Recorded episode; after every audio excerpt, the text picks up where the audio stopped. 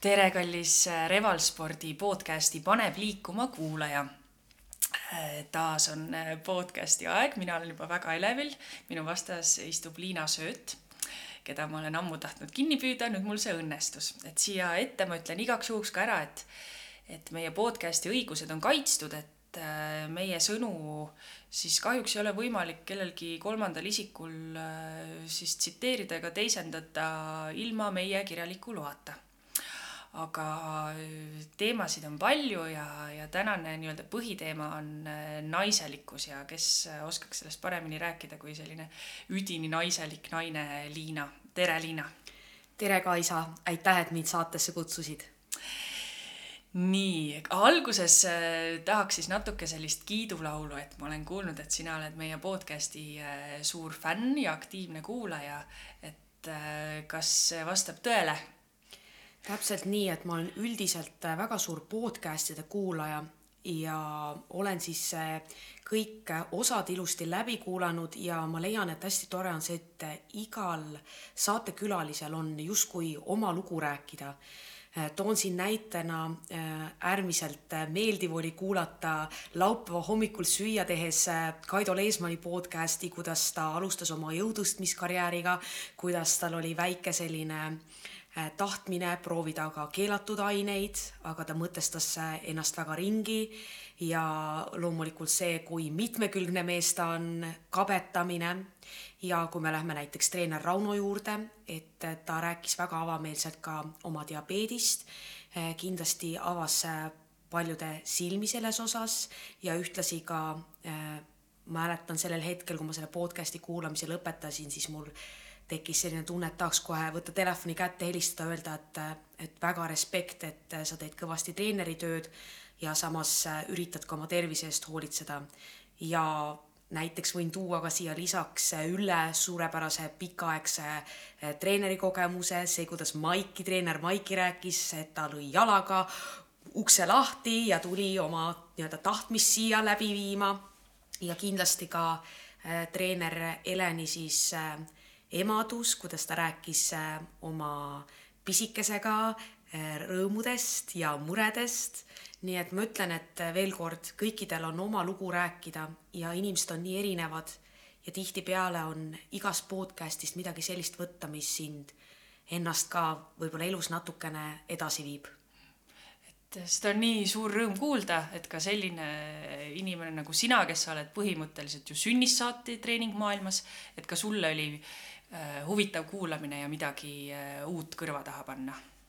täpselt nii, et me õpime kogu elu, et võib väga klišeelikult kõlada, aga ma arvan, et kõikidel inimestel, kellega sa üldse elus kokku puutud, neil on midagi sulle õpetada ja me ei kohtu kellegiga äh, põhjuseta, et ma arvan, et see ongi kõige olulisem, et sa alati oled infole avatud ja ja vahest kellegi teise mõte annab sinu enda mõttele veel hoogu juurde ja, ja sealt sünnivadki need kõige paremad asjad. väga õige ja eluterve suhtumine. aga nüüd tahakski rohkem sinust teada saada, et Liina, tutvusta ennast paari sõnaga. oh, enda tutvustamine on alati kõige raskem. on, muidugi on. ma ütleks enda kohta nii, et mina tunnen, et minu missioon on siis tuua võimalikult palju inimesi spordi ja liikumise juurde. ja see suur armastus, mida ma ise kannan just konkreetselt liikumise jõutreeningu vastu, anda seda kübekest säraga sisse kõikidele oma klientidele ja lisaks sellele, kuna ma ka näitan rühmatreeninguid, siis anda sealtpoolt ka väikest sellist sädet ja kirge, sest et ütleme küll terves kehas terve vaim me kordame seda, me nagu justkui saame sellest aru, aga me ei mõista, mis on see sügavam tähendus selle sõnapaari taga. ja tervist ei saa paraku mitte ühegi raha eest osta. ja küsimus ei ole ainult selles, millised me välja näeme ja esteetika, vaid see, et me hoolitseme oma keha eest kõrge eani hästi. aga mis äh, sina sellest nii-öelda tagasi saad? Kui, kui sa aitad inimesi, mis see sulle annab? väga hea lihtne näide oli, viimati tulin siis laupäeval oma trenni tegema ja ma näen oma tublisid kliente saalis, nad on tulnud vabal päeval, nad lehvitavad, ma vestlen nendega ja see, et ma näen, et ma olen inimeses suutnud tekitada spordiarmastuse, järjepidevuse liikumisel ja nad suudavad sobitada seda oma elustiiliga, sest ma olen alati kõigile öelnud, et olge enda vastu ausad, mitu korda nädalas oled sa võimeline trennis käima ja üldiselt liikuma. ole nagu sada protsenti endaga aus, sest võidab see, kes on järjepidev. mitte see, kes jookseb nii-öelda siis äh, sprinti, ta läheb kiirelt peale ja üsna varsti on ta see kogu tuhin kadunud ja see ongi asi, mida mina väga südamest üritan oma töös teha, et õpetada inimestele seda, et järjepidevus ja isegi see, kui sa teed mingit asja üks kuni kaks korda nädalas, aga sa teed seda aasta aega järjest, siis see on juba sinu harjumus ja pikemas perspektiivis võidad sa nii tervise kui heaolu suhtes. absoluutselt, meil on terve elu ju aega põhimõtteliselt ja. küll, et tihtipeale ongi see, et kui ma ütlen inimesele ka, et, et kümme kilo, et kolme kuuga, et see ei, see ei ole absoluutselt hea mõte, et äh, võtame pikemaajalisema ja sellise eesmärgi, mis on realistlik. oi, aasta aega minu elust on väga pikk aeg ja siis ma küsin selle peale ilusti, aga mõtle seda, kui mina tuleksin praegu sinu erialale töötama ja mina ütleks, et ma tahan kahe kuuga olla näiteks kõige parem raamatupidaja, kas oleks võimalik? ja siis inimene vastab, et no tegelikult ei ole. Ma ütlen, aga sama on trenniga. Selleks, et sa heaks millekski saad, see võtab aega ja kannatust, et kannatlikkus ja järjepidevus on kaks asja, mis käivad ükskõik mis eluvaldkonnas käsikäes jah, ja mida meil tihtilugu äh, ei ole või kuidagi äh, ühiskond ka surub peale, et tahaks olla kohe-kohe äh, tahaks seda võlurohtu, seda tabletikest, et võtan selle sisse ja, ja olen kõige rikkam, kõige ilusam, kõige tugevam, kõige tervem, mis kõige tähtsam. Aga väga-väga äh, huvitav teema, millest äh, mina äh, olen väga kaugel, sellepärast ma sooviks sellest ka väga palju teada, on siis nii-öelda selline võistlussport ehk siis kõik need fitness, bikiini fitness, kõik sellised võistlused, kus sina oled ka kaasa teinud. kas sa avaksid mulle natuke seda maailma? kui me räägime üldse äh, tippspordist või siis spordist, äh, kus jagatakse kohti, siis paraku on nii, et äh, ükskõik mis alal siis tippsport läheb teise spektrisse ehk ta ei ole enam selles kuldses kesktees, ta läheb natukene äärmusesse, mis tähendab, et see ka kaugeneb mõnevõrra tervisest. samamoodi on ka kõik, mis on kulturismi fitnessiga seotud, olgu see kas siis bikiini fitness, äh, meeste puhul näiteks äh, klassikaline kulturism või siis rannafitness, see nii-öelda mensfüsiik. Meil on üsna palju erinevaid äh, kategooriaid, ma ei hakka neid täpselt siin kirjeldama, et kellel huvi on, kuulajatest saab alati neid kategooriaid ka siis Kulturismi Fitnessi Liidu lehelt vaadata. ja kuna see treening ja toitumispool, ütleme siis nii, et sellisel kasvutsüklil, kus sa siis, oleneb, kas sul on vaja lihasmassi kasvatada, üldiselt enamik naisi, neil on pigem vastupidine äh, mure, nad arvavad, et nad lähevad väga kergelt lihastesse, aga naistel on niikuinii östrogeeni tõttu üsna raske lihast kasvatada, siis selles lihaskasvutsüklis on väga oluline süüa mitmekülgselt, äh, kindlasti kui on soov lihast kasvatada, siis peab olema kaloraaž plussis, lihtsamalt öeldes sa pead sööma rohkem, kui sa kulutad. Ja treeningud peavad olema siis paigas, et äh, lihasgruppide jaotus on inimeseti väga erinev, aga bikiini fitnessis on näiteks oluline seljalaius, ilus tuhar, noh, proportsionaalselt selline eh, nii-öelda liivakella kuju aga suurt rõhku pannakse siis selja-õlgade treenimisele, kindlasti tuharad ja jalad. ja nüüd, kui see kasvutsükkel on üldiselt läbi tehtud, kõik väga oleneb treenerist, mõni treener äh, siis suunab äh, kliendi küllaltki ruttu lavale, kui eesmärgiks on lava proovida, et teha see tsükkel läbi ja vaadata, kas see ala on üldse minu jaoks nüüd, kui tahta minna medalikohti proovima, siis on mitu võimalust. kas teha ära see üks lavaproov, teha selline täitsa kena vorm äh,, sinna juurde kõik poseerimine, kõik muu ja minna siis uuesti rohkem lihast juurde kasvatama, sest et dieedi käigus paraku me arvame, et me oleme lihaselisemad, aga kui me selle rasva kõik maha koorime, siis see lihasmass on küllaltki pisikene ja ikkagi laval on näidata vaja lopsakat lihast.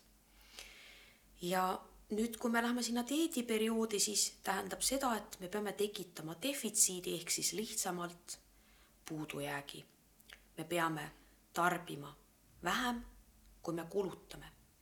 nüüd meil on kaks võimalust, kuidas me seda tekitame kas siis toitumisega või liikumisega või kahe muutuja kokkupanemisega. väga palju oleneb ka võistlejast endast. kui ta töötab päevad läbi kontoris ja tema liikumismaht on väga väike, siis tema dieet võib minna päris nii-öelda üldine kaloraaž võib minna küllaltki madalaks olles siin erinevate võistlussportlastega suhelnud, treeneritel on erinevad lähenemised. Äh, loomulikult on alati see, kui palju inimene on valmis panustama. toon siia lihtsa näite. naisterahva baasainevahetus ehk siis, et üldse elus püsida, on pisematel naistel seal tuhat ükssada, pikemat kasvu natukene rohkem kaaluvatel naistel seal tuhat kolmsada ja nüüd äh, tihtipeale, kui ma olen ka teiste võistlejatega ikka seal ringkonnas liikudes suhelnud, siis on ka tütarlapsi, naisterahvaid, kes söövad tuhande ühesaja kalori ligi ja teevad päris intensiivset trenni.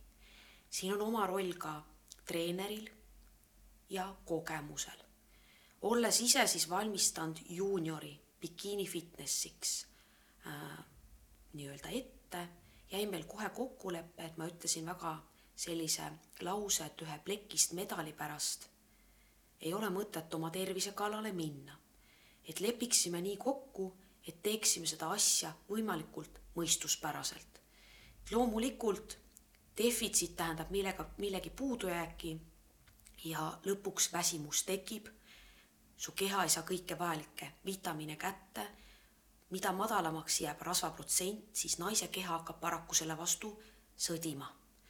Ja siin, siia hulka siis kuulub see, et üldine selline pidev väsimus, raskus äh, siis igapäevatoimetusi teha, ütleme siis nii, et, et, et kui su keha on ikkagi pidevalt siis äh, toi-, toidupuuduses, siis lõpuks lihtsalt sul hakkavad need igapäevatoimetused tunduma justkui äh, raskemana ja ka trennid muutuvad raskemaks, et see on kõik nii-öelda loomulik osa siis sellisest äh, võistlusspordist, et seda räägivad kõikide alade nii-öelda esindajad, et oled sa kergejõustiklane, jooksja, iluuisutaja, et paraku ikkagi tippsport, ta on veidi äärmuslik ja sa saad kainet äh, mõistushäält äh, sealjuures säilitada, aga paraku ta tervisele kõige parem alati ei ole. Ja noh, lihtne näide on see, et väga madala rasvaprotsendi juures paraku paljudel naistel, mitte kõigil, võivad tekkida menstruaaltsükli häired, mis siis ei ole tegelikult äh, head. et see on kasvõi selline väike pisikene näide siia. jah, sest rasv aitab äh, hormoone toota ja Täpselt. sealt see kõik tuleb jah lihtsalt see, sa räägid sellest äh, nii kuidagi äh, rõõmsameelselt ja nii äh, kergelt, aga see, see kõlab väga hirmutavalt. kui, kui pikk see protsess on, kus äh, see siis nii-öelda nälgimine aset leiab? Äh, tegelikult see maailm või üldse kogu see võistlusvormi tegemine on, ongi ühtepidi, ta on raske, aga teistpidi ta on väga huvitav, et sa paned oma vaimu proovile ja sa hakkad iseendaga väga palju sisekõnet pidama ja see on niisugune endasse vaatamise hetk. ja protsess, see on väga erinev, kõik oleneb, palju sa võistluste vahel oled endale nii-öelda lihtsamalt öeldes rasvakihti peale kogunud. sest et üks asi on hea esteetiline rannavorm, aga võistlusvorm on midagi täiesti teistsugust, et kui nii-öelda võistlejad hakkavad siis lavavormile väga lähedale jõudma, siis sa vaatad saalis, et kes see sihuke poolnälginud olemisega tütarlaps on, sest et laval võimendub kõik. ehk siis selleks, et laval näha suurepärane välja, peab su rasvaprotsent ikkagi olema piisavalt madal, et tuua see kogu esteetika ja vorm siis välja. et äh, seetõttu ütleme jah niiviisi, et, et seal on väga mitu tahku, et nii nagu igas asjas on äh, positiivsed ja negatiivsed küljed, et ei ole olemas äh, midagi ideaalset, aga igast olukorrast saab õppida ja tehes neid vorme mitu, mitu korda järjest, õpid sa paremini oma keha tundma, sest iga keha reageerib väga erinevalt dieedile ja mõnel inimesel on looduse poolt rasvaprotsent üsna madal, ka naisterahvastel, ja neil tuleb see võistlusvormi tegemine palju kergemalt. siis on vastupidi naisi, kellel keha lihtsalt loomu poolest, nad on lopsakama puusaga, neil võib-olla on reied tugevamad ja nende võistluse ettevalmistus läheb võib-olla pikemaks ja neil on raskem ennast äh, võistlusvormi saada. et äh, selline keskmid, keskeltläbi ütleme siis pool aastat, kui näiteks sa oled võistluste vahepeal söönud rohkem, siis võib-olla on vajalik teha väike selline eeldieet, siis tulla korra dieedist välja ja minna uuesti dieedile. et nagu ma ütlesin, see on niisugune väga spetsiifiline teema, et kuidas, kuidas keegi midagi kasutab, et äh, kasvõi tavalise kaalulangetaja puhul ma leian, et on ka väga oluline dieete, pause teha, eriti kui dieet pikaks läheb. sest see paus ei, ei riku sinu kaalulangust ära, vaid seda on vahest nii füüsiliselt kui mentaalselt vaja teha. ja selle vaimse poole kohta ma tahakski küsida, et kuidas see võimalik on, sest mina olen täpselt selline inimene, kes elab äh, enda isude järgi, kui mul on isu selle jäätise või selle šokolaadi järgi või selle soolapähkli järgi, siis ma söön ja võtan. aga jah, ku-, kuidas sa, kuidas sa saad nii tugev olla, et sa ei söö siis seda jäätist, sest sa tead, et sa see hetk ei tohi? ma ütlen siia nüüd väga võib-olla sellise intrigeeriva lause vahele, aga enamik võistlejad arvutad välja oma rasvad, valgud, süsivesikud. ja mina kasutasin ise nii võistlemise ajal kui ka ma tean, et päris paljud teised kasutavad MyFitnessPalli. ja põhimõtteliselt, kui sa alustad oma dieeti ja sa tõesti väga midagi tahad, siis meie keha registreerib numbreid. ma toon näite, et kui sul on kaalulangetuseks vaja süüa tuhat kaheksasada kilokalorit, siis sa oled defitsiidis seal maksimaalselt kakskümmend protsenti, ütleme kuskil dieedi alguses kakssada viiskümmend, kolmsada kalorit, hiljem seda defitsiiti tõstetakse. ja sa tead seda, et see on sinu päevane nii-öelda eelarve, sul on nagu rahakott ja sa tõesti tahad äh, sinna mahutada oma tüki šokolaadi või paar lusikatäit jäätist pudru peale, siis seda kõike on võimalik teha. nüüd küsimus on tegelikult selles, et mis asi on see toiteväärtus sellel asjal ja mida lõpupoole dieet läheb, seda enam sa hakkad hindama toitu, mis täidab sul maksimaalselt kõhu ära. ehk sa muutud väga leidlikuks, ma toon näite, riivid suvikõrvitsat endal veel ka ära helveste sisse, sest et see tõstab üldist toidu mahtu, toit on ka kauem nii-öelda kõhus. et need on nagu need põhilised äh, põhjused ja loomulikult samamoodi, et noh, kui me läheme ei hakka siin väga spetsiifiliseks minema luge- või seda kuulajat nii-öelda segadusse ajama, aga äh, küllastunud ja küllastumata rasvad ja see, et sa need nii-öelda suhkrut üle piiri ei sööks, et äh, üldiselt on pigem nii, et, et sa hakkad hindama seda toitu, mis annab sulle kõige rohkem jõudu. ja sa tead, et sa oled niikuinii kalori puudujäägis, sa võid ju proteiinibatooni näiteks magusa kustutamiseks ära süüa, aga ma toon lihtsa näite, sa sööd tuhat kaheksasada kalorit ja sa sööd ära kaks proteiinibatooni ja su eelarve läheb miinus viissada ja sul jääb ainult tuhat kak-, no tuhat kolmsada äh, nii-öelda korralikule toidule, siis mina see hetk mõtleks tõsiselt, et mul on näiteks tulemas täna päris intensiivne äh, trenn ja mul on kolm klienti ka veel õhtul. mida ma teen, kas ma haaran selle batooni järgi või mul on kõik ilusti toidud valmistatud ja ma üritan see tuhat kaheksasada süüa maksimaalselt nendest toitudest, mis mind täidavad ja annavad mulle kõige rohkem, et see on võib-olla kõige lihtsam seletus. aga põhimõtteliselt ma toon näite äh,, ise siis olles suur maiasmokk, mina panin aeg-ajalt endale ühe šokolaadikommi pudru peale ja mina ta vaikselt sinna ilusti sisse ära ka mahutasin ja ei olnud mitte midagi sellest absoluutselt hullu aga mis saab siis, kui äh, laval on käidud, äh, võistluspinge on maas, võib-olla isegi medal on kaelas?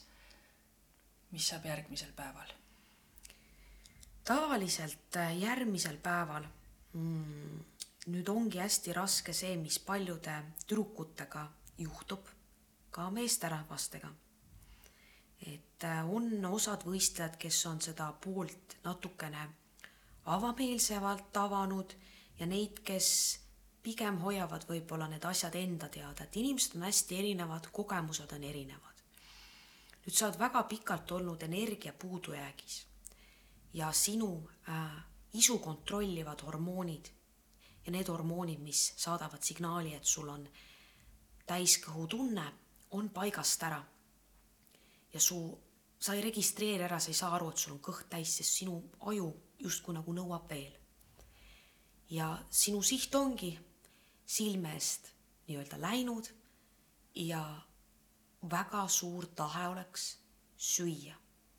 ja see söömine oleneb, kui targalt sa oled dieeti teinud, tekib ikkagi see, et sa saad selle šokolaadikommi kätte ja sul on natuke raske pidurdada oma söömist, sest et kõht võib täis olla, aga aju on juba füsioloogiliselt, meil on niimoodi keha kodeeritud, et ta mõtleb, et ma olen nii pikalt näljas olnud, äkki tuleb nälg uuesti ja ta ikkagi saadab sulle neid signaale edasi ja sa tahaksidki süüa. mina olen hästi elutervelt teinud, ka oma õpilasega ja mis mina ise tegin, et kaks päeva ma lasin täitsa lõdvaks ennast, ma alati leppisin endaga kokku, et ma söön võimalikult maksimaalselt kõhu tervislikust toidust täis ja siis söön oma jäätiseid, muid asju sinna peale, ma pean natuke vahet.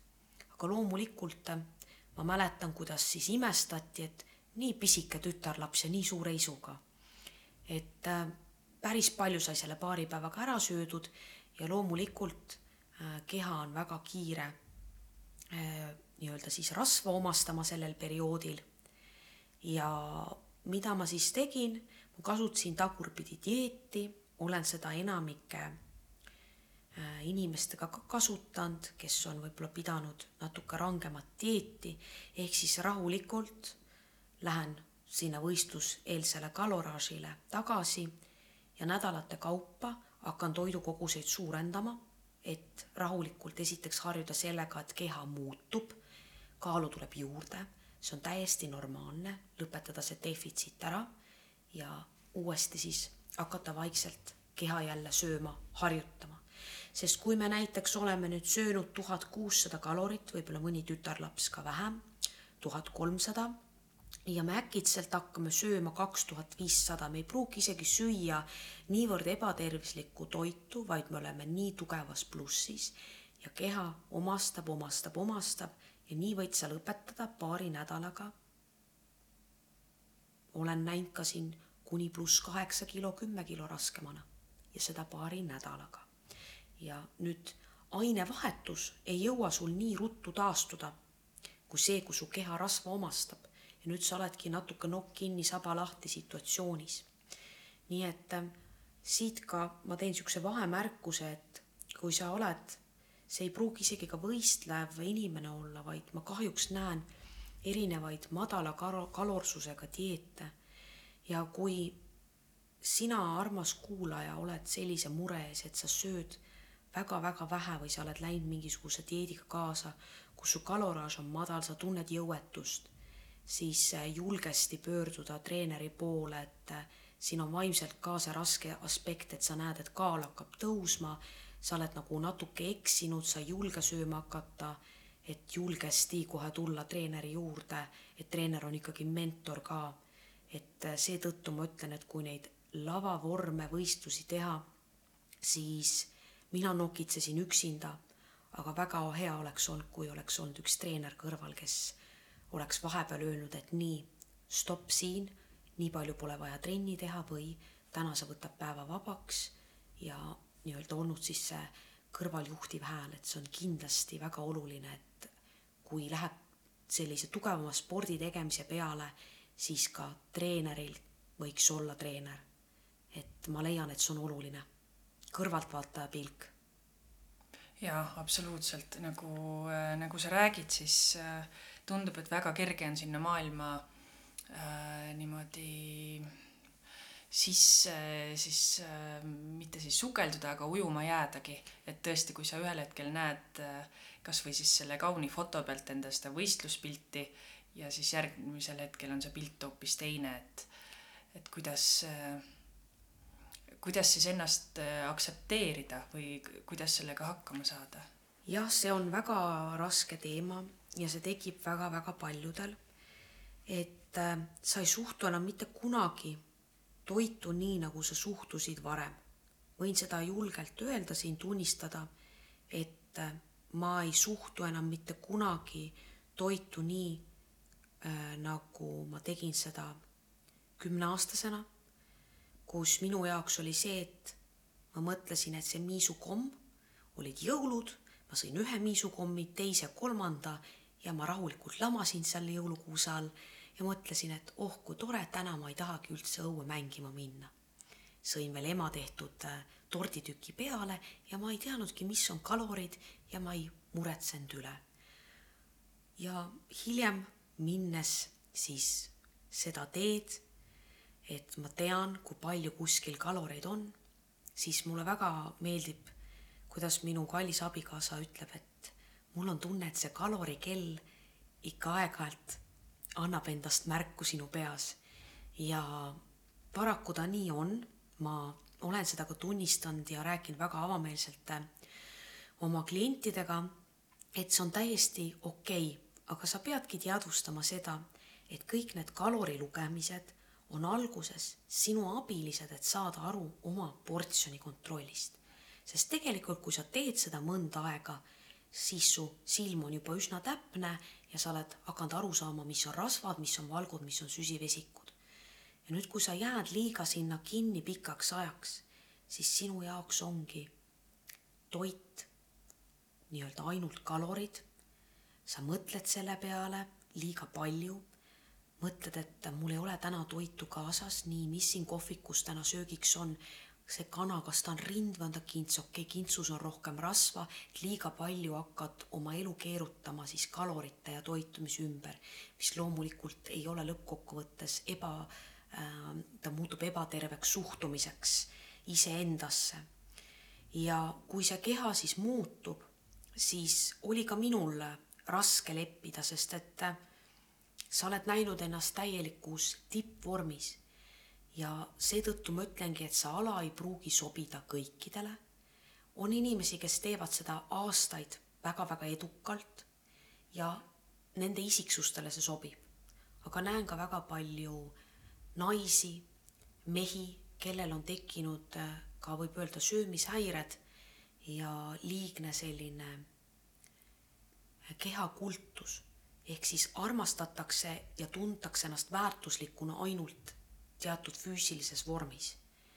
ja võib olla nii, et, et sa lähed jõusaali ja sa vaatad, et vau, see inimene on justkui pilt ilus, tal on kõik olemas, aga tegelikult see inimene on sisemiselt äärmiselt rahulolematu.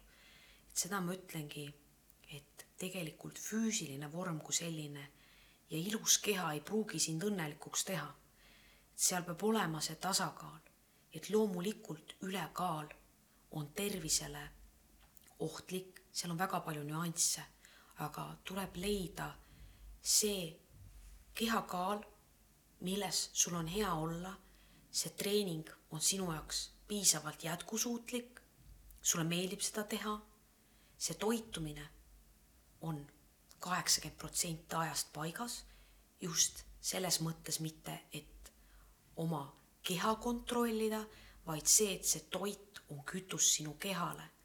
ja kui sa tahad olla, nagu ma ütlesin, kõrge eani vitaalne, siis toit on sellega otseses seoses. esteetika tuleb sinna juurde, me tahame kõik saledad olla. aga sa pead alati endalt küsima, kas ma teen ebainimlikke pingutusi, et seda vormi hoida, mis mul praegu on. sest et elus on väga palju ilusaid asju, lisaks kalorite lugemisele ja super ilusa esteetilise keha tagaajamisele, sest et sa saad kõik need omavahel toime panna, et sul on hea sotsiaalelu, sa lävid sõpradega, sa teed trenni ja sa mingil ajal jälgid oma toitumist, aga sa lubad ka endale aeg-ajalt siis õhtul sõbrannadega selle viilupitsat ja ühe hea pokaali veini, et äh, tulebki leida see nii-öelda tasakaal. oh ja see teema on, see teema on tegelikult väga, kuidas ma ütlen, sellest võib väga pikalt rääkida, et äh, ma ütlengi siinkohal veel, et kogemused on niivõrd erinevad ja, ja igast kogemusest sa õpid nii palju. Ja osad räägivad sellest julgemalt, et on ka teisi võistlejaid või kes on võistlustel käinud, kes sellest räägivad, et, äh, et siis täpselt jääbki see, see koht, et äh, nagu ma tõin välja, on väga palju ka positiivseid külgi ja see, et kui see lõpptulemus, sa paned need bikiinid selga ja sa lähed, käid seal laval ära, siis need mälestused, need pildid, see eneseületus, et vau, ma olen sellise kihvti asja oma elus ära teinud, et seda kogemust ei, ei võta sult mitte keegi mitte kunagi ära. ja nii nagu ma ütlen alati, et need, kes on korra laval käinud, need tähendavad, mida, mis on dieedipidamine ja kui hästi võib maitsta äh, üks Narva kohviku saiakene oi kui ilusti öeldud. Äh, kui juba jutt sinna bikiinide peale läks, siis äh, äh, selle kohta mm, ma tahtsin ka küsida, et kui suur eneseületus on olla, võib-olla see pole üldse eneseületus, nii minimaalselt riides ehk siis bikiinides ja niimoodi sadade ja tuhandete pilkude all, et paljud naised äh, ei tihka isegi äh, rannas bikiine selga panna. et äh, kuidas sellises võistlusolukorras või sa selle peale üldse see hetk ei mõtle? tegelikult on nii, et äh, oma osa selle võistlemise juures, et see dieedipidamine on üks asi, aga teine asi on see poseerimine dieeditingimustes. ehk sa käid spetsiaalse õpetaja juures õppimas poseerimist, sest et sa pead oskama oma lihased esile tuua, neid pingutada ja kõik naised naeratavad laval, aga tegelikult kui sa tuled lavalt maha poseerimas, see on selline tunne, nagu sa oleks korraliku jõusaalitrenni ära teinud, sest äh, sa pead oma ilusti selja avama, ehk siis see, et su see ilus seljalihas tuleks välja, see liivakella kuju, sa pead oma reielihaseid pingutama, seda kõike kõrgetel kontsadel. samas, kui sa tuled lavale nii-öelda ajuooki tegema, ehk siis ütleme siis nii-öelda võiks öelda siis vaba kava, et sa tuled ennast presenteerima oma vormi, siis samal ajal sa pead naeratama, särama, su liigutused peavad olema graatsilised, kõike seda harjutatakse terve selle perioodi vältel. mõnel tuleb see kergemalt, mõnel raskemalt ja vaat siis ongi, kui sa oled selle raske trenni teinud, sa oled dieedil ja siis sa lähed poseerima ja siis õpetaja ütleb, et nii siit seisa nüüd selles asendis, hoia, et see on veel omakorda sihuke mõnus katsumus, aga äh, bikiini fitness ja kogu see poseerimine annab väga palju julgust ja naiselikkust juurde. Needsamad poosid, neid sa saad kas või tavaelus kasutada, lähed reisile, pead rannas poseerima. et äh, need on sellised toredad oskused või siis äh, kogu see kõndimine ja graatsilisus, mida ei saa keegi sinult ära võtta. et äh, ma tundsin ise ka, et see andis mulle äh, väga palju sellist naiselikkust juurde ja kindlasti siia juurde ikkagi läheb see, et kui sa võtad äh, otsuse vastu võistlema minna, siis nagu ma eelnevalt mainisin, see esimene proov, ehk siis sa lähed ja sa vaatadki ära, kas see ala on minu jaoks. mõni teeb selle esimese vormi, ta käib laval ära ja ta tunneb, ütlebki treenerile, et see sädelevad bikiinid, see lavamelu, et äh, see ei ole minu jaoks. ja inimestel on väga erinevad põhjused ja mõni inimene tunneb pärast esimest korda, vau, kogu see energia, see power, sest et äh, ma mäletan ise oma nii-öelda täiesti esimesi võistlusi, ma ei kuulnud ega näinud mitte midagi, esimene asi, mul olid jalad pehmed, ma mõtlesin, ma loodan, ma ei kuku ja siis ma kõndisin ja ma võtsin oma poosid ära ja ma üritasin naeratada, mu nägu tahtis hirmus tõsine olla, sest et äh, ikka alguses on äh, natukene sellist, lavanärv lööb ikka sisse.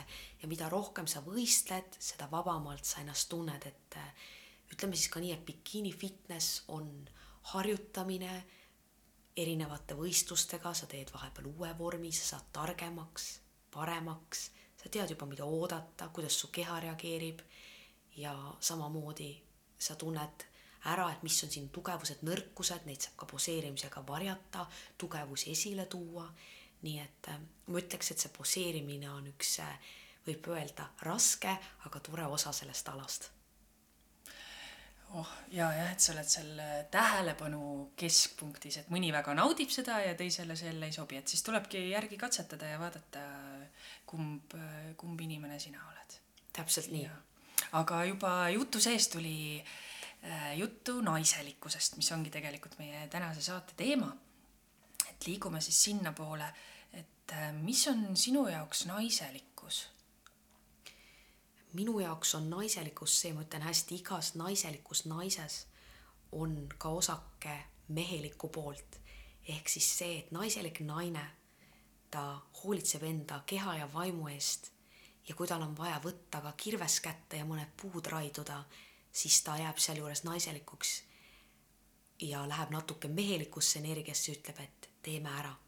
ehk siis ta on kindlasti enesekindel äh, ja hoolitseb enda eest igas aspektis, sest et jah, naiselik naine, seda on võib-olla natuke raske paari sõnaga defineerida, et kui ma annaksin võib-olla sellise ütleme siis väikse lühifilmi või multifilmi edasi, mis mul peas käib, et siis see oleks nagu kõige, kõige parem viis seda kuulajatele edastada.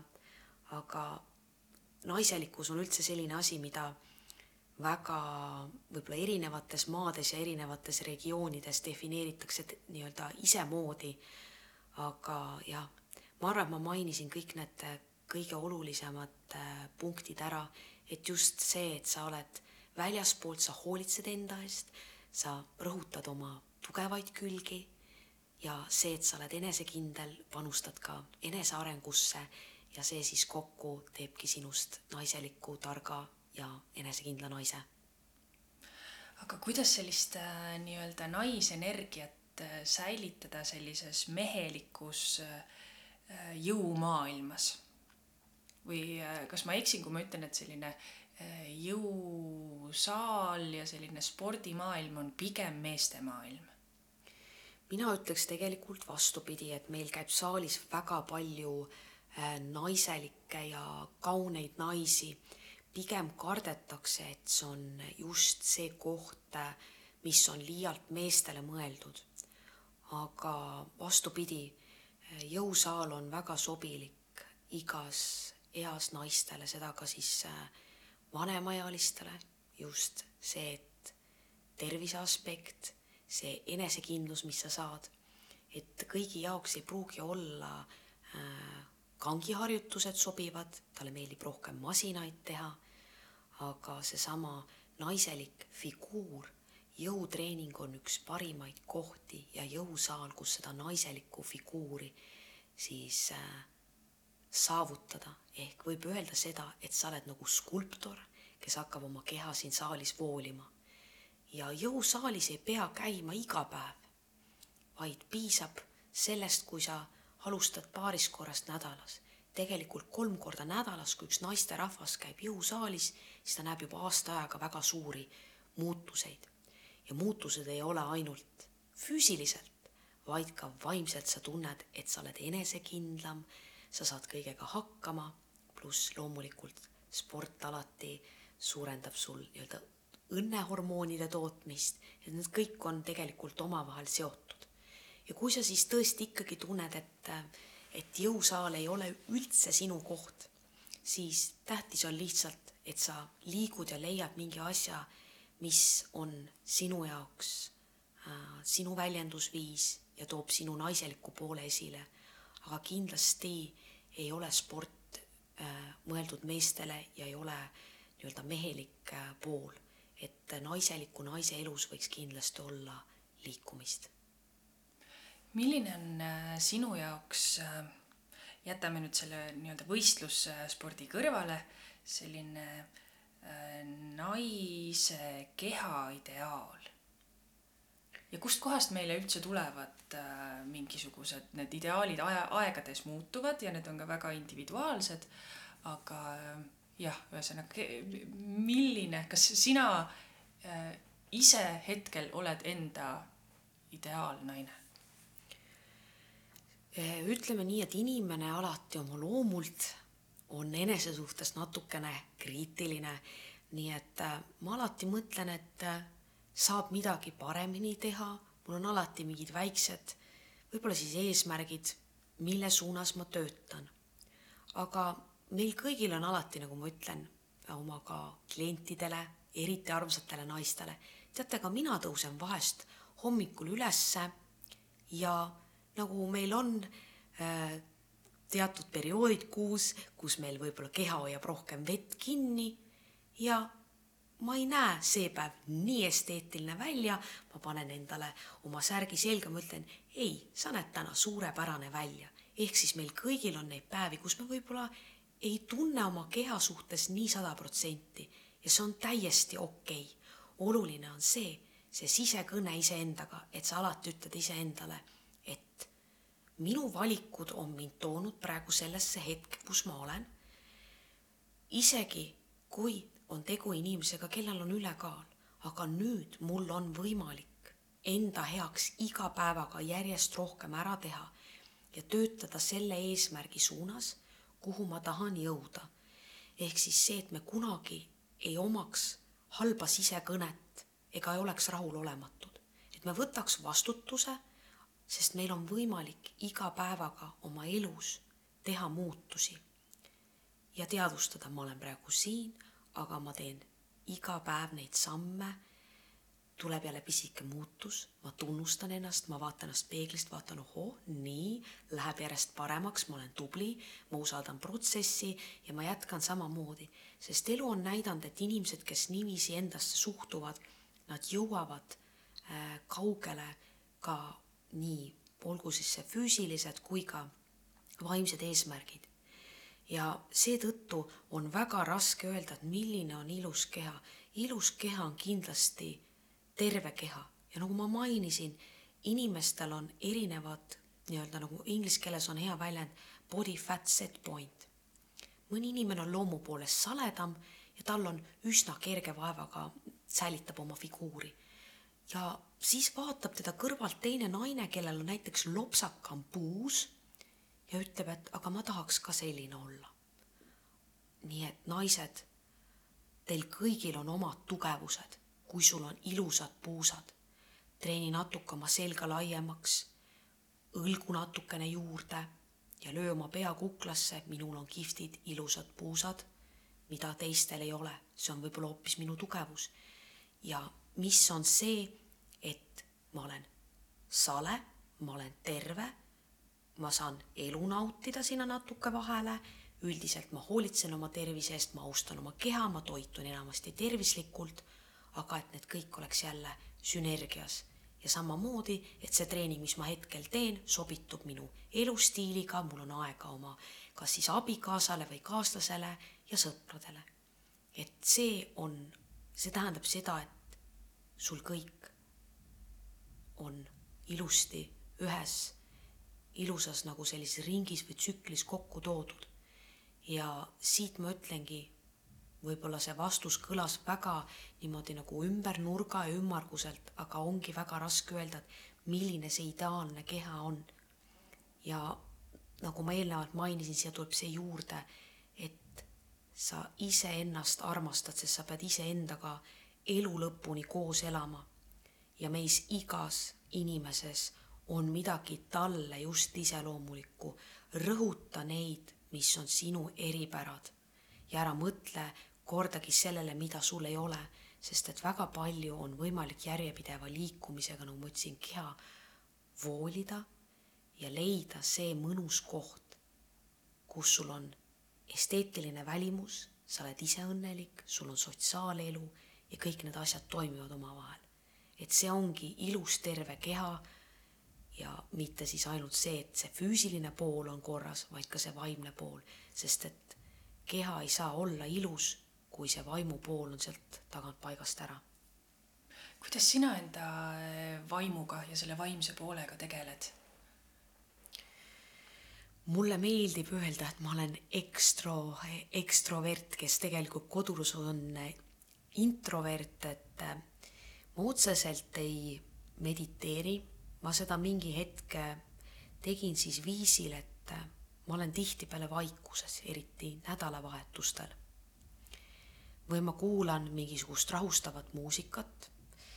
kunagi, mis on praegu väga kurb, et ma seda enam ei tee ma mängisin klaverit ja maalisin. ja need olid siis minu jaoks sellised tasakaalustavad tegevused, kus siis, kuidas ma ütlen, need rahustasid mind igakülgselt ja see oli nagu teistpidi looming, et üks asi on see, et ma tulen, suhtlen saalis palju inimestega, et mu töö on ikkagi selline, kus ma annan endast äh, palju ära ja ma leian, et väga oluline on iga klienti kuulata, olla tema jaoks nii vaimselt kui füüsiliselt olemas ja siis tuleb see nii-öelda minu aeg, kus ma väga palju äh, naudin vaikust. Ja noh, loomulikult, äh, mis siia lisaks tuleb, et vabadel päevadel alati siis leiame kalli abikaasaga mingi toreda ühistegevuse, kas või samamoodi, et me arutame maailma asju ja läheme lihtsalt ühele pikale jalutuskäigule, et see on ka omamoodi selline mõnus meditatsioon. oh, nii ilus ja mul juba kujutluspildis oli, kuidas te kaks kaunist inimest jalutate ja siin sellest ilust ja sa natuke rääkisid ka sellest, et tihtilugu noh, nagu naistena ikkagi on, kui mul on äh, ilusad pikad sirged juuksed, siis ma tahan, et mul oleks lokis juuksed ja vastupidi, kui mul on pikad juuksed, tahaks, et oleks lühikesed ja nii ja naa. et äh, sina oled ka kindlasti hästi-hästi paljudele naistele äh, eeskujuks aga kas sa oled ka ähm, enda pihta kuidagi äh, kas siis kuulnud või tajunud äh, kadedust, kui igapäevane selline asi on?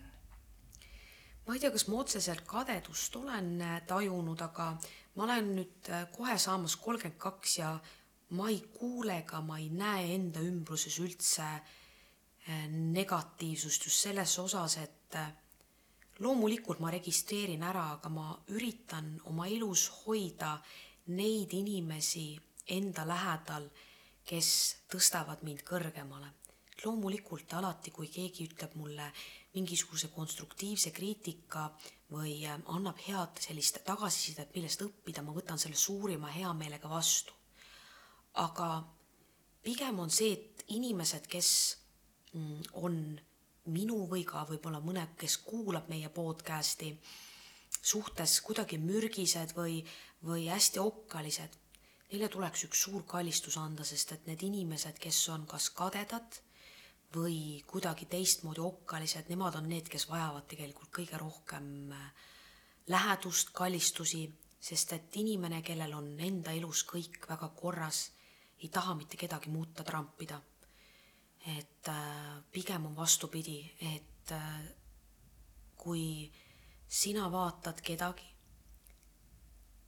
nii-öelda siis selles perspektiivis, et sa sooviksid ka sama asju saavutada, siis mine küsi selle inimese käest, mis on tema saladus. kõik on alati nõus abistama, rääkima, õpetama. et kadedus on pigem selline väga paha reaktsioon ja tunne sa peaksidki endale ise esitama küsimuse, et mis on see minu sisemine probleem, miks ma tunnen kadedust, sest et meil kõigil on samad võrdsed võimalused olla edukas või midagi saavutada, ükskõik milles. ja ma nagu üritan ise endast eemale lükata, äh, kui tuleb võib-olla mõni väga selline põhjendamatult kuri kommentaar või ma üritan ka mõelda sellele, et pöörata asja naljaks või et võib-olla sel inimesel oli, oli raske päev, et, et proovige, et kui keegi tuleb näiteks väga sellise kurja ütlemise olemisega, et siis sa viskad mingisuguse nalja ja ja, ja oled kuidagi ise hästi meeletult sõbralik ja tavaliselt on nii, et kui tekib tüli või konflikt, siis kaks ego põrkuvad. aga kui inimene tuleb ja ütleb sulle, et ma vihkan sind ja sa ütled talle, oi kui tore, aga mina armastan sind nii väga, siis ta on šokis ja ta ei, tal ei ole nagu, tal on kõik tema selline vihapahvak on äkitselt nagu ära pühitud et loomulikult ei tohi lasta endale elus liiga teha, et ma ei ütle, et sa pead laskma endaga ebaviisakalt käituda, aga alati on võimalus öelda, et vabandan, et sinu suhtumine või see, kuidas sa minuga suhtled, sa paned mind väga halvasti tundma, lu-, lu-, lugeda kõik need asjad ette ja öeldagi, et kas me muudame oma suhtlusstiili või et tulla sellest olukorrast niipidi välja. sest mida rohkem me endasse sisse laseme, et keegi on näiteks kade või, või laseme teiste arvamustel ennast kõigutada. mõtle sellele, sa elad siin elus, selles kehas ainult ühe korra ja pane see maksimaalselt enda jaoks tööle, unusta kõik, kuula, kui asi on konstruktiivne ja aitab sul kaugemale jõuda, aga ole hästi julge. sa elad enda jaoks ja kõige olulisem on see, et sina tead ise sisimas, mis sa väärt oled.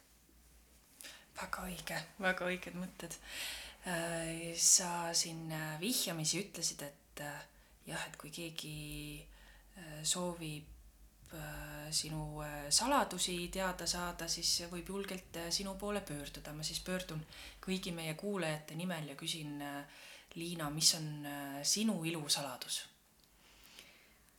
minu ilusaladus kindlasti see, et uni on kõige alustala ehk ma üritan alati magada vähemalt kaheksa tundi, vahest isegi pikemalt. kui teinekord juhtub nii, et mul jääb uni kehvaks, on vahest ikka see, et nagu ma naeran, et kas täiskuu mõjutab või on mingi muu asi, mingi tore äh, sündmus olnud ja siis mõtted keerlevad peas, ei saa kohe õhtul magama jääda, siis ma üritan alati tagantjärgi äh, puhata, kui mu keha ütleb, et on nüüd puhkust vaja. regulaarne sportimine ja kindlasti siia juurde ka siis toitumine, tasakaalustatud menüü. Ja ka mina luban endale vahest äh, pokaali veini või mõne hea tüki pitsat või siis nagu ma olen öelnud, minu suur nõrkus on igast magusad asjad, koogid ja saiad leiab mind ka Narva kohviku äh, siis äh, saialetis teinekord, et keegi ära ehmataks, ka mina olen inimene aga ma üritan hoida oma elu tasakaalus ja kindlasti alkoholi tarbimisega. Ma teinekord ikka pokaalikese veini võtan, aga olen üsna, üsna kehv suhe on selles suhtes äh, alkoholiga, et ma olen öelnud ka eriti naistele, et äh, aeg-ajalt on täiesti okei okay,, aga et see ei muutuks siis selliseks iga, igaõhtuseks äh, pudeliringiks, et, et alkohol ka kindlasti. Ja loomulikult siis tubakatooteid ma ei tarbi ei ole seda teinud kunagi ja siia juurde kindlasti äh, õige mõtlemine, et ma üritan alati hoida ennast positiivsena, ei salgagi üldse, ei ole ka mina imeinimene, on ka teinekord mul neid päevi, kus mul on selline tunne, et äh, algab kõik otsekui nagu tagurpidi Antsu päev, aga siis on väga oluline see, et kuidas me nendele sündmustele reageerime ja hästi ruttu kohe mõelda need olukorrad ümber nii et äh, ma arvan, et äh, selliseid ilu, ilunippe, kui minna küsida võib-olla, et äh, siis üks asi, mida ma, mida ma veel ei tee, ma ei kasuta peaaegu üldse kosmeetikat. mitte ma ei ütle, et ei, ei peaks seda tegema, aga ma ei kasuta praktiliselt üldse meiki, et kui ma tõesti siis lähen kuhugi välja, et siis, siis ma panen endale midagi näo peale ja näohoolduse puhul või üldse, siis ma üritan kasutada võimalikult palju igast lihtsaid looduslikke asju, et keha koorimisteks ma tihtipeale kasutan üldse kohvipaksu äh,, näomaskid äh,, siis segan ka ise kodus, kodus äh, kokku ja naturaalsest toorainest, et eks ma aeg-ajalt käin ka külastan ilusalongi, aga ütleme nii, et siis kõik asjad peavad tasakaalus olema ja kuna vee joomine on ka väga populaarne teema, siis ma ütlen, et ärge sellega äh, üle nii-öelda pabistage, muretsege, tähtis on, et te vett tarbite, et siis, kui on juba tege-, tekkinud tugev janu, et siis see tähendab seda, et on ilmselt jäänud vee joomine kuidagi tahaplaanile, et, et, et tasub ikkagi see veepudel ligi hoida. Aga võib-olla sul on endal midagi, mul ei tulnudki võib-olla kohe midagi sellist pähe, mida veel lisaks öelda, võib-olla mida sa ise tahaksid veel küsida issand, sa rääkisid kõik ära ja vaatan su imekaunist näonahka. no jah, selline äh,. tegelikult äh, ma siin, meil aeg hakkab vaikselt kahjuks otsa juba lõppema, nii hea on sind kuulata, aga äh, kuna eelmises saates äh, me äh, siin äh, rääkisime müütidest, siis ma viskaksin sulle ka ühe müüdi ette, et kuidas sa sellesse äh, suhtud, et öeldakse, et äh, ilusatel naistel on kergem elu see täitsa oleneb äh, seltskonnast, et loomulikult, kui sa oled äh, hoolitsetud, ma ei räägi siin üldse, ilu on väga-väga suhteline mõiste.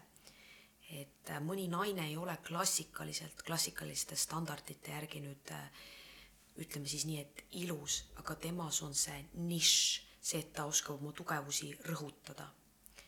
ja ilukriteeriumid on nii erinevad, ühele meeldivad blondid, teisele brünetid, ühele meeldib lopsakam tuhar, teisele meeldivad rohkem mannekeni tüüpi.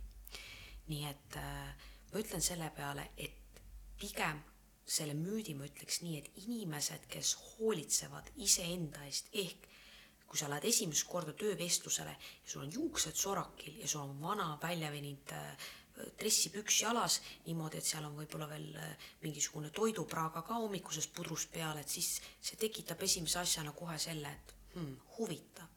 Aga tuleb teine naisterahvas, kellel on ilus pintsaks seljas, pliiatseelik, kingad, tal on juuksed natukene sätitud, ta on äh, nii-öelda siis huuled ära värvinud, läheb sirge seljaga, siis tekibki see küsimus, et võib-olla see, kes on dressipükstes, mõtleb seda, et aga tema on minust ilusam. tegelikult ei ole asi üldse selles, vaid asi on pigem selles, et ma sõnastaks selle nii, et inimesed, kes hoolitsevad enda eest, oskavad oma tugevusi Äh, rõhutada seda siis nii välimuses kui ka iseloomus ja oskustes, saavad elus rohkem ja jõuavad kaugemale. ma arvan, et ma sõnastaks selle hea meelega niimoodi ringi, kui sa lubad. jaa, absoluutselt. nüüd saime selle müüdi ka äh, murtud. ja meie aeg ongi siin vaikselt-vaikselt äh, otsa saanud suur,. suur-suur aitäh sulle, Liina, nii hea oli sind kuulata. ja mina tänan, et sa mind podcast'i kutsusid ja ma loodan, et kuulajad said siit äh, mingisugust infot ja, ja julgesti, et kui kellelgi on rõõme, muresid äh, jagama tulla, et siis äh, selleks me siin Revaspordis, meie treenerid olemegi, et me tahame väga südamest, et sa jõuaksid liikumise juurde, sellest saaks sinu harjumus ja kui mis iganes küsimused sul on, siis selleks meie meeskond ongi, et alati sind toetada ja aidata ja kui kellelgi tekkis ka huvi äh, siis niimoodi professionaalsel tasemel spordiga tegelema hakata, kulturismiga, fitnessiga, siis võib ka sinu poole pöörduda? põhimõtteliselt küll, jah. suur aitäh sulle, Liina! ja aitäh sulle ka